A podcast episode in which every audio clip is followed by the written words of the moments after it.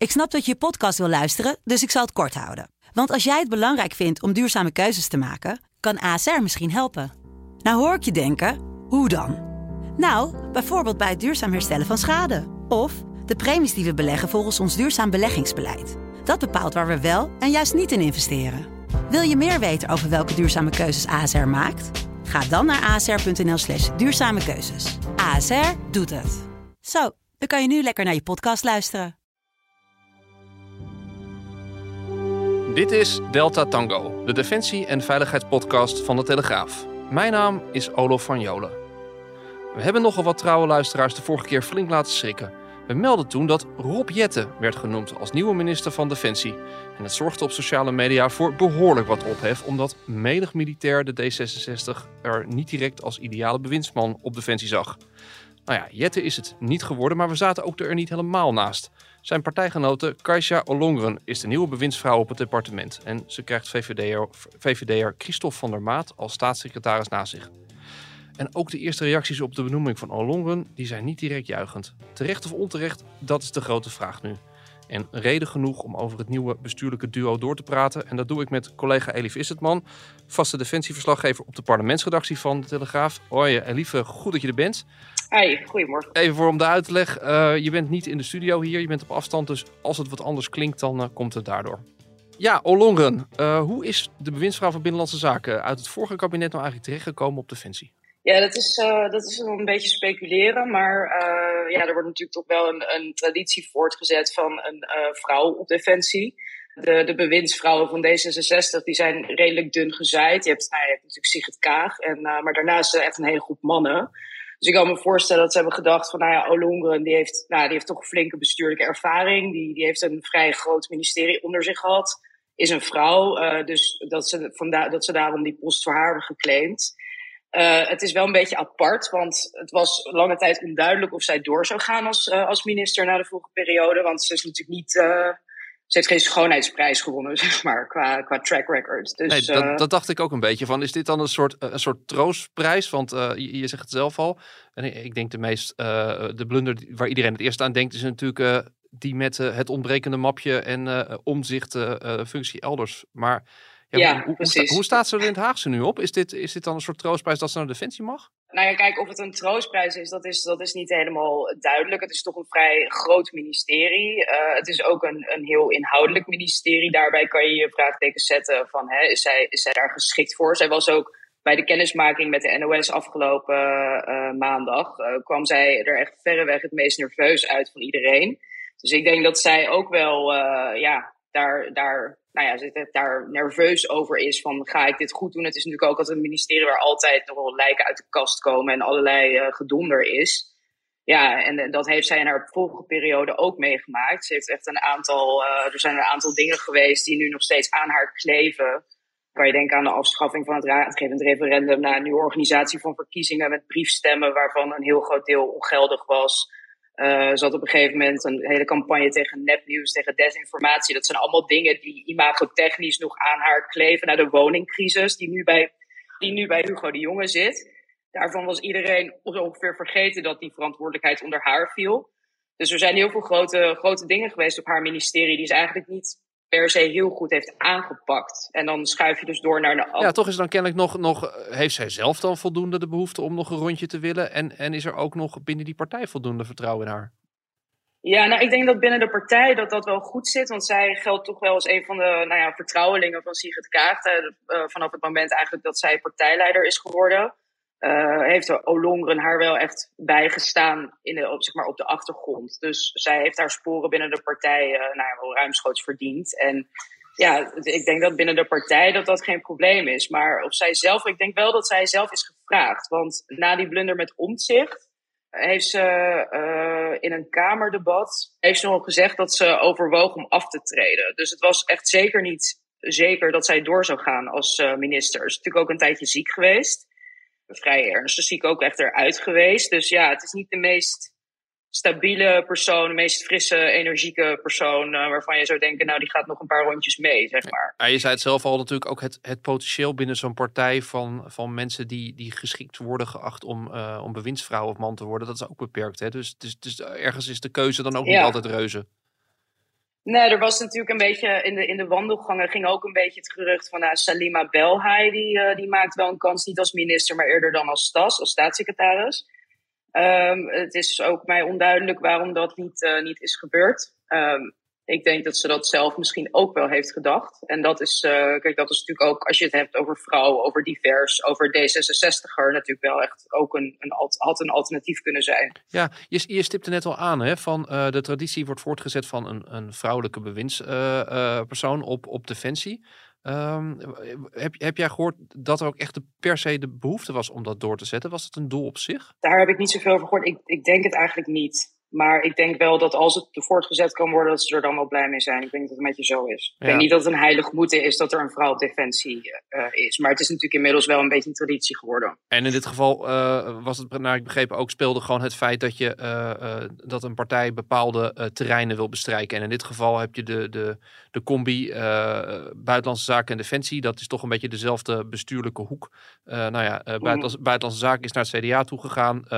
dus D66 wilde graag een departement in, in die hoek houden en werd het defensie. Ja, dat zou kunnen inderdaad. Ja. Het is natuurlijk wel, wat wel apart is, is dat de staatssecretaris van, uh, van de VVD komt. Terwijl de VVD toch wel degene is waar, waar Defensie nou, dat extra, die extra impuls van geld aan te danken heeft. Uh, uh, je had ook kunnen zeggen, ja, de VVD claimt Defensie weer een keer. Ja. Maar dat is ook niet gebeurd. Nee, wat misschien in dat geval dan wel meespeelt, is dat als je het claimt, als je ervan bent, loop je natuurlijk ook het risico om om erop afgerekend uh, te gaan worden. En dat risico, dat risico is natuurlijk met de staatssecretaris iets minder. Maar over de staatssecretaris ja. hebben het zo nog even. Heb jij um, uh, Olongo ooit kunnen betrappen op, uh, op specifieke interesse of, of affiniteit voor de, met de krijgsmacht? Nee, nooit echt op kunnen betrappen. Kijk, ze zei wel direct, toen bekend werd dat zij deze post zou krijgen, zei ze direct dat dit is waar mijn hart ligt. Zo zei ze het ook. Uh, dat is natuurlijk een vrij heftige uitspraak, want dat impliceert dat je er, er echt heel veel mee hebt en heel veel affiniteit mee hebt. Ja, dat is dus niet zo als je naar haar uh, cv kijkt. Zij wijst zelf naar haar opleiding. Uh, ze heeft een, een studie internationale betrekkingen gedaan, deels aan Klingendaal. En dat zou voor haar dan zeg maar de, de soort van affiniteit met defensie zijn. Nou, is een beetje een dunne affiniteit. Zou dat eerder, denk ik, aan buitenlandse zaken kunnen relateren. Maar goed, ze, heeft interesse in geopolitieke uh, ontwikkelingen, in uh, cyber. Daar heeft ze dan wel vanuit uh, binnenlandse zaken wel enige ervaring mee natuurlijk. Digitalisering en cyber dingen. Had ook de AIVD onder zich. Dus het is ook niet helemaal dat ze helemaal groen is op, op bepaalde terreinen. Als minister van Binnenlandse Zaken en Koninkrijksrelaties was ik verantwoordelijk voor de AIVD. Ik werkte intensief samen met de MIVD. Dat zijn de twee inlichtingendiensten die Nederland uh, rijk is. Uh, ik heb dus die ervaring neem ik eigenlijk mee naar uh, Defensie. Het is wel inderdaad een begin wat dat betreft. Want, want het enige is ja. natuurlijk dat traditioneel de verhouding tussen Defensie en Buitenlandse Zaken ook altijd wel er een beetje eentje is van, laten we zeggen, twee broers. Die, die aan de ene kant heel goed met elkaar moeten kunnen optrekken bij, bij gelegenheid. Maar tegelijkertijd ook vreselijk met de koppen tegen elkaar kunnen slaan. Omdat uh, uh, met name Defensie zich heel vaak uh, een beetje het uitzendbureau van, van, ja. van buitenlandse zaken voelt. Van degene die moeten uitvoeren wat de mannen in de mooie pakken en in de ambassades allemaal beloven. Dat, dat sentiment heerst er wel. Ja, ja. Het is in ieder geval, het begon een beetje ongelukkig, want uh, je haalde het al aan. Uh, in een gesprek met de NOS uh, werd, werd er haar vraag gesteld of ze het verschil kende tussen een sergeant of een major. En toen antwoordde de minister dat ze een heel handig boekje had gekregen waarin ze dat ging opzoeken. De, de kern is eigenlijk wel, dat is wel interessant, hè? Want, want daar wordt dan om gelachen. Aan de andere kant kun je je afvragen, um, is het wel zo erg dat iemand dat niet precies weet? In de zin van, is het nou zo belangrijk dat er iemand op dat departement komt te zitten die er van alles van af weet? Of is zo'n departement misschien gewoon beter af met een bestuurlijke zwaargewicht? Ja, dat is, dat is natuurlijk altijd een beetje de vraag, vooral op dit soort departementen. Van neem je echt een, uh, ja, een partijtijger, een hardcore bestuurder? Ja, dat, dat is zij natuurlijk in zekere zin wel. Of neem je iemand, een, ja, een zaakminister, zoals we bijvoorbeeld nu bij uh, Volksgezondheid hebben, Ernst Kuipers. Ja. ja. Het heeft allebei voordelen en nadelen. Maar kijk, wat ik, wat ik natuurlijk wel vind is je kan, je, je kan jezelf bedenken als je naar een kennismakingsgesprek met de pers gaat van goh, ik stamp nu even die, die defensiestructuur gewoon uit mijn hoofd, want daar komt geheid een vraag over.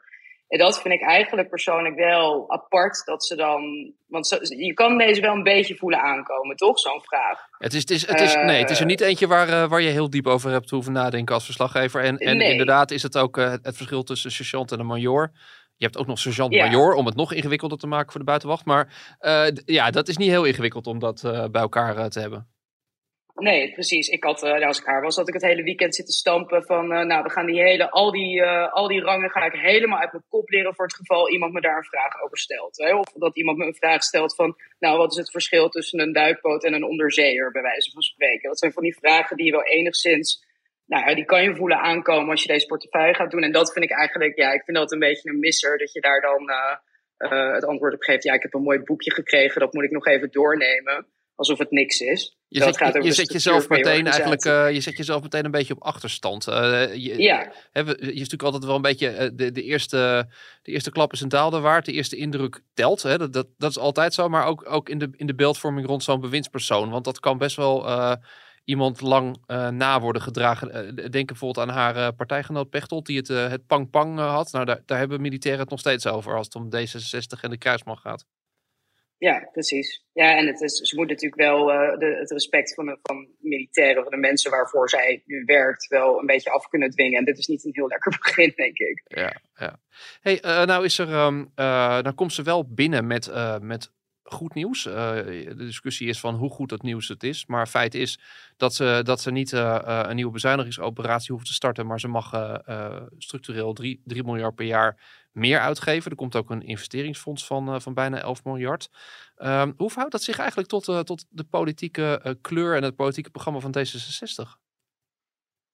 Ja, dat is wel. nou ja, kijk, het over geld uitgeven, daar is het D66-verkiezingsprogramma niet heel, heel helder over eigenlijk. Er wordt niet gezegd we moeten bezuinigen, maar er wordt ook niet gezegd we zouden moeten bijplussen. Dus in die zin is het een beetje, ja, een beetje onduidelijk. D66 heeft natuurlijk wel ingestemd met die, met die financiële impuls. Dus daarvoor zou je kunnen zeggen, nou, dat is, dat is mooi. Of zij dan ook echt een D66-agenda gaat voeren. Dat is natuurlijk altijd, dat, dat is altijd een beetje angst van mensen. Maar kijk, het is een minister zit natuurlijk niet in zijn eentje op het departement. Uh, wat wel zo is, is dat uh, uh, in het verkiezingsprogramma van D66 zijn ze gewoon heel helder. Ze zeggen gewoon, wij willen een Europese krijgsmacht. Dat is gewoon heel duidelijk nog veel verder gaand dan dingen als, dan plannen die er nu al in Europa liggen. Gewoon een Europese krijgsmacht. We besteden het eigenlijk uit aan Brussel. Nou dat is natuurlijk wel totaal anders dan de realiteit die zij straks moet gaan uitvoeren. Je hebt natuurlijk in, in maart wordt het strategisch kompas in de EU uh, dat is dus die, die defensie-veiligheidssamenwerking. Die plannen daarvoor die worden in maart vastgesteld.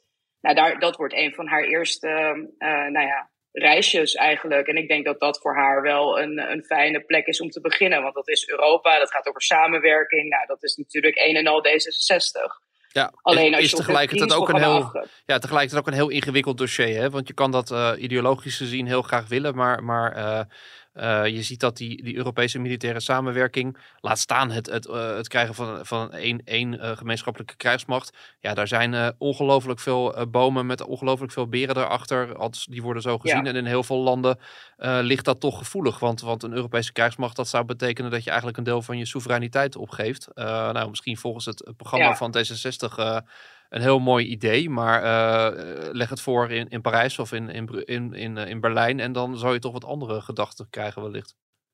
Ja, ja, maar ik denk ook helemaal niet dat het realistisch is om te denken van nou het is een D66er, dus die gaat dat doordrukken. Ik bedoel, dat, dat kan helemaal niet. En ja, het hangt natuurlijk inderdaad ook van andere landen af. Dus ik denk dat we daar niet voor hoeven te vrezen. Hey, je, je tipt hem al aan, hè? Uh, de Europese samenwerking is een, een heel populair thema in bredere zin voor, uh, voor D66.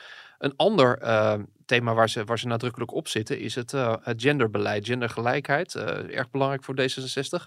we hebben al wat, um, wat um, nou hoe moet je dat zeggen, om in termen te blijven, inleidende beschietingen daarvan gezien de afgelopen maanden bij Defensie. Ja. Een aantal van die, van die ideeën zijn ook weer teruggetrokken. Hè. Er was sprake van een vrouwenquotum, wat volgens mij inmiddels weer van tafel is. Uh, maar er is wel degelijk een streven naar meer diversiteit. Denk je dat deze uh, bewindsvrouw hier, uh, hier inderdaad extra achteraan gaat zitten? Uh, nee, er is natuurlijk al een, een uh, ja, die dingen zijn al in gang gezet door, door Kamp eigenlijk, dus haar voorganger. Uh, wat, wat iedereen denk ik wel een beetje verbaasd heeft, dat hij daar zo, nou ja, toch redelijk gepassioneerd in is gegaan, zeg maar. Dus hij heeft eigenlijk alleen maar zijn, zijn pad voort te zetten. Ja, dat vrouwenquotum is geloof ik omgezet naar een streefdoel. Dat is natuurlijk toch wel iets anders. Dat betekent dat je er niet op afgerekend wordt als, het, als je het niet haalt. Um, ja, wat betreft dingen als diversiteit. Ja, we hebben natuurlijk die, die diversiteitscursussen die ergens uh, in de komende jaren dan verplicht gaan worden. Dat zijn dingen die allemaal in gang zijn gezet. Dus ik vraag me inderdaad af hoe ver, hoeveel je daar nog aan kan toevoegen eigenlijk. Ja. Aan dat soort dingen. Zij hebben zelf ook vanuit D66 is het dan, ja, we willen uh, uh, diversiteit bij het leger in de breedste zin van het woord. Nou, als je zegt breedste zin van het woord, dan heb je het niet alleen over gender en over uh, bijvoorbeeld seksuele geaardheid en zo. Maar dan zou je het ook, denk ik, hebben over opleidingsachtergrond en dat soort dingen, lijkt mij, als je het, uh, als je het echt interpreteert als breedste zin van het woord. Dus ik ben wel benieuwd hoe ze dat gaat invullen. Maar ze hoeft natuurlijk niet heel veel te doen, want er is al best wel wat in gang gezet. Nou, absoluut. De afgelopen jaren zijn daar natuurlijk ook wel uh, barrières geslecht die, die wel in ieder geval in, in symbolisch opzicht veel significanter waren. Hè? Denk aan het openstellen van de selectie van het Corps Mariniers voor, uh, voor vrouwen. Uh, het feit dat uh, de onderzeedienst, wat een soort laatste, laatste punt was waar, waar, waar geen vrouwen welkom waren, dat, die, dat daar nu ook met gemengde bemanningen wordt gevaren, wat, wat ook heel goed schijnt te zijn. Ja. Ehm, ja. Dus in die zin, nee, dat is wel waar. De, de, laten we zeggen, de grootste barrières die zijn al wel geslecht onder, onder bewindslieden van, van CDA en, en VVD. Ja, ja, toch een beetje apart is. Maar wat voor uh, reacties heb jij eigenlijk gehoord op, uh, op haar aantreden? Nou, eh, ze, waren nog niet zo, ze waren nog niet zo geschrokken als, als Rob Jette. Ik denk dat dat ook een beetje te maken had met, met de persoon van Rob Jette. Hè. Hij is natuurlijk. ik, ik denk dat er weinig mensen beseffen dat, het, dat hij heeft toch een beetje niet, niet de meeste uitstraling van een geweldenaar Jette. terwijl het volgens mij bestuurlijk gezien een hele sluwe en handige operator is in, in het Haagse, begrijp ik. Maar nee, je, merkt wel dat het niet helemaal lekker valt. Ehm, er, is, er is boosheid over het feit dat er eh, in de optiek van de militairen weer een, ehm, een burger op uh, defensie komt. Je hoort dan in de aanloop naar, uh, naar de verkiezingen worden allerlei namen genoemd. vooral van, van oud-militairen die ook wel een, een politieke link hebben. Denk aan iemand als Marten Kruijf, oud-commandant landstrijdkrachten die, die CDA-prominent is. en zijn partijgenoot Raymond Knops werd natuurlijk ook opnieuw weer genoemd. Uh, als zijn dat mensen die het heel graag zouden willen. Volgens mij heeft Knops een verleden bij de, bij de, bij de luchtverdediging. Um, ja, die, uh, dat is sowieso niet helemaal goed gegaan. Hoe, is die, uh, hoe is die in het strafbankje geëindigd eigenlijk, lief? Uh, ja, dat is het, ik, ik vermoed dat dat toch te maken heeft met zijn rol als campagneleider voor het ah, CDA de afgelopen tijd. Want ja, dat is natuurlijk niet een hele lekkere uitslag die ze hebben gehad. Of nou ja, dat was eigenlijk gewoon een dramatische uitslag. En ja, als campagneleider ben je daar toch wel enigszins verantwoordelijk voor. Dus ik kan me voorstellen dat Hoekstra heeft gedacht van nou, die moeten we maar niet al te prominent wegzetten. Nee, dat uh, valt wel wat. Ja. Uh, ja. Nee, en, en kijk, dus, dus, dus, en er is wel sepsis tegen, uh, tegen Olongre. Nou, een beetje om de redenen die wij al noemden. haar, haar, haar eerste uitlatingen waren niet zo handig. Um, um, en, en daar wordt dan uh, heel erg op gemopperd. En tegelijkertijd zie je ook wel een soort, uh, soort schifting, zullen we zeggen, tussen de, uh, de twitterende militair, de twitterende soldaat of onderofficier, of, of de officieren die, die toch wat afwachtender zijn en die zeggen, nou, wees welkom en we gaan het wel zien. ik ik ja. sprak ook nog een van de vakbondsvoorzitters en die zei, en dat was wel een waar woord, en hij zei, joh, je moet dat ook niet overdrijven. Want de realiteit is dat, uh, dat de minister uh, maar heel weinig met militairen te maken heeft. Die zit toch eigenlijk vooral met de ambtelijke top uh, om zich heen. dat is toch ja. een, vooral een heel bestuurlijke omgeving. Dus ja, ook als je daar niet precies weet wat de draagwijte is van een, van een mortier. of als je niet precies weet uh, wat voor type rupsen, pets er uh, onder, een, uh, onder een tank zit, dan, dan kan je daar prima staande houden als je gewoon bestuurlijk handig bent. En, en mm-hmm. ik denk dat daar met name dat soort partijen vooral hopen dat, ja, dat, dat, ze stevig in er, dat ze stevig in de schoenen staat en dat ze in staat is om, om, om voor Defensie in het, in het kabinet een goede vertegenwoordiger te zijn en ervoor te zorgen dat, ehm, nou, dat, dat, ze, dat ze krijgen wat, wat er beloofd is en, en dat Defensie niet, niet achteraan in de rij komt te staan. Ja, ja. Hey, en ook nog een nieuwe staatssecretaris, want we hebben het nu alleen nog over de minister gehad. Christophe van der Maat, wat, wat weten we van hem?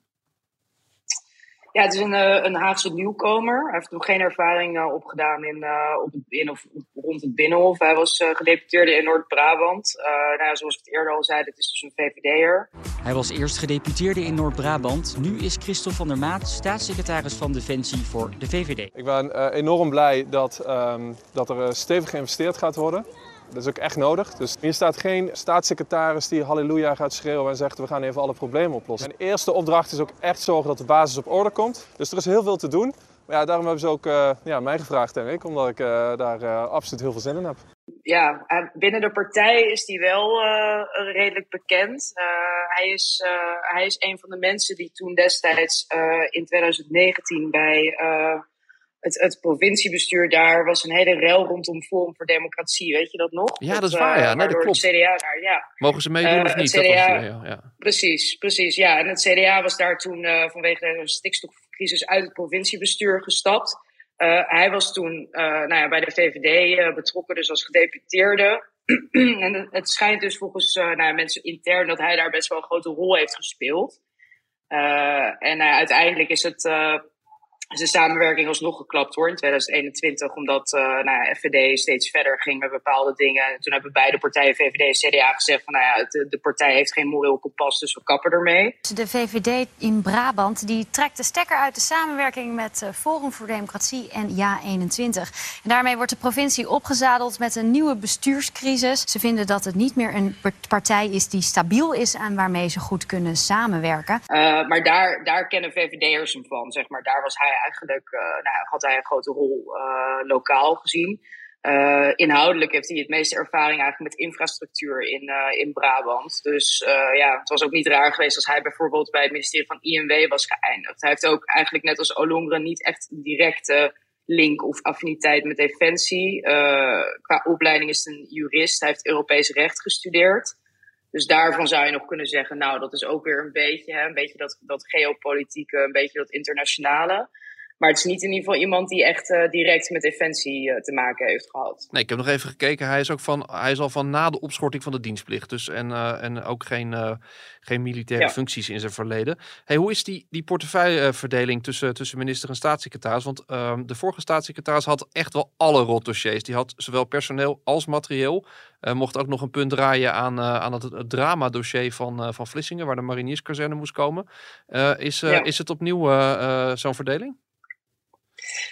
Ja, nou ja, helaas voor hem heeft hij weer het pretpakket, ja. Dus hij krijgt ook weer uh, personeel, uh, materieel en uh, ja, bedrijfsvoering, ICT, die dingen, die krijgt hij onder zich, ja. Dus nou ja, we mogen veel succes wensen daarmee. Ja, ik zag al, die eerste uitlating heeft hij gedaan dat hij, dat hij stevige discussies verwachtte over de CAO. Nou ja, dat is, um, ja. aan, die, aan die voorspellingen zou ik me ook wel durven wagen. Maar nou, hij heeft in ieder geval volgens mij geoormerkte 500 miljoen meegekregen om daar iets aan te gaan doen. Dus dat, dat helpt. En dat zou, uh, dat zou in ieder geval, als hij dat weet te regelen, een, um, een eerste politiek succes zijn. Wat in ieder geval uh, door, door de mannen en vrouwen in het groen behoorlijk in dank zou worden afgenomen. Ja. Ja, ik, zie ook, ik, ik, zag ook in zijn cv dat hij zich heeft bezighouden met ICT. Dat is, dat is ook handig, want dat is ook een, een absoluut hoofdpijndossier bij Defensie. Wat tegelijkertijd een koppeling kent met, met heel veel belangrijke plannen die daar, die daar zijn voor de toekomst. Um, ja, als je het over plannen hebt, hè, en, en dat is best interessant. Uh, Bijleveld die heeft uh, als een soort uh, politiek testament heeft ze, heeft ze een, een defensienota achtergelaten. Um, nou was dat een stuk wat, wat door menigeen werd, wat anders werd begroet dan door de, door de ambtelijke militaire top. Die het, die het fantastisch vonden en een hoop buitenstaanders zeiden van is, is dit het nou? vond het erg vaag blijven. Ik, ik, ben op een gegeven moment ook gebeld door een net aangetreden Kamerlid. En die zei, wat moet ik hier in godsnaam mee? Want ik snap eigenlijk helemaal niet wat ze willen.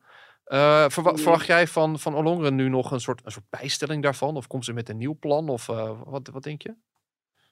Nou, ik denk dat, dat ze zich eerst wel echt moet inwerken op de inhoud voordat ze überhaupt met nieuwe plannen uh, kan komen. Ik denk dat, ja, kijk, dat, ik ben het wel met je eens dat dat plan natuurlijk wel wat vaag is. Maar wat wel heel duidelijk is, dat Beideveld eigenlijk altijd heeft aangestipt, is ja, we moeten voorbereid zijn op de dreigingen van de toekomst. Dus of dan zeg maar, uh, ja, alle cyberuitdagingen en zo. Nou, dat is iets wat Olongren al heeft overgenomen van haar. Die zegt dat ook. Dat was een van de eerste dingen die ze zei.